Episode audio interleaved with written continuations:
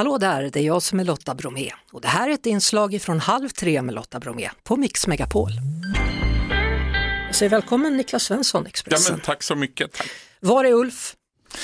Eh, Ulf är, tror jag, fortfarande kvar i Stockholm. Men Jimmy Åkesson skymtades på Bromma flygplats för en timme sedan. Så att jag tror inte att det pågår några förhandlingar just nu mellan partiledarna. För han är på väg till Blekinge.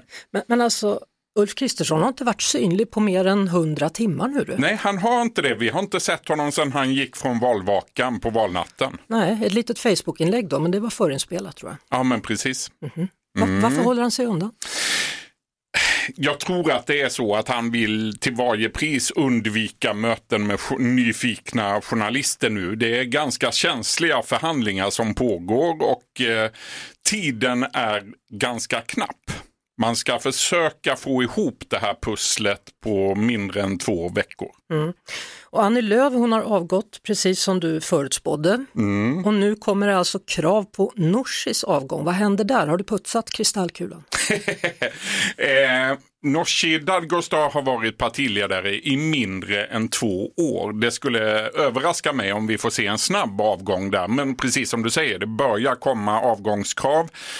Så ser det dock ut efter varje val. Partier som backar och kommer att få kritik. Alltså det kommer kritik in i alla partier när man backar. Och, eh, den, de som hittills framfört avgångskrav mot Nooshi, det var sådana som inte ville att hon skulle bli partiledare. Så att eh, där tror jag att vi kommer att, det, hon kommer att sitta kvar ett bra tag till. Frågan är då vem ska leda Centern nu och åt vilket håll ska de? Ska de gå Ja. högerut eller vänsterut? Det är en oerhört spännande fråga och eh, för bara ett par timmar sedan kom ju beskedet att, en, att huvudkandidaten Emil Källström som så många har pekat ut som nästa partiledare, han är ointresserad. Så att eh, eh Ja, nu, det är som sagt väldigt spännande att se vem som tar över. Det finns några namn, men det kan också komma någon överraskning som inte alls nämns i diskussionerna nu. Talmansrunder ska alltså inledas i nästa vecka då och 27 september så hålls riksmötets öppnande. Hur, hur stor chans är det att allt är klart tills dess? Alltså, min magkänsla säger att de kommer att fixa det här. Att, eh, att eh, Ulf Kristersson kan tillträda som statsminister den veckan. Men, eh, men jag, jag skulle inte våga satsa alldeles för mycket pengar på det. Men, men eh, magkänslan säger att de nog fixar det här.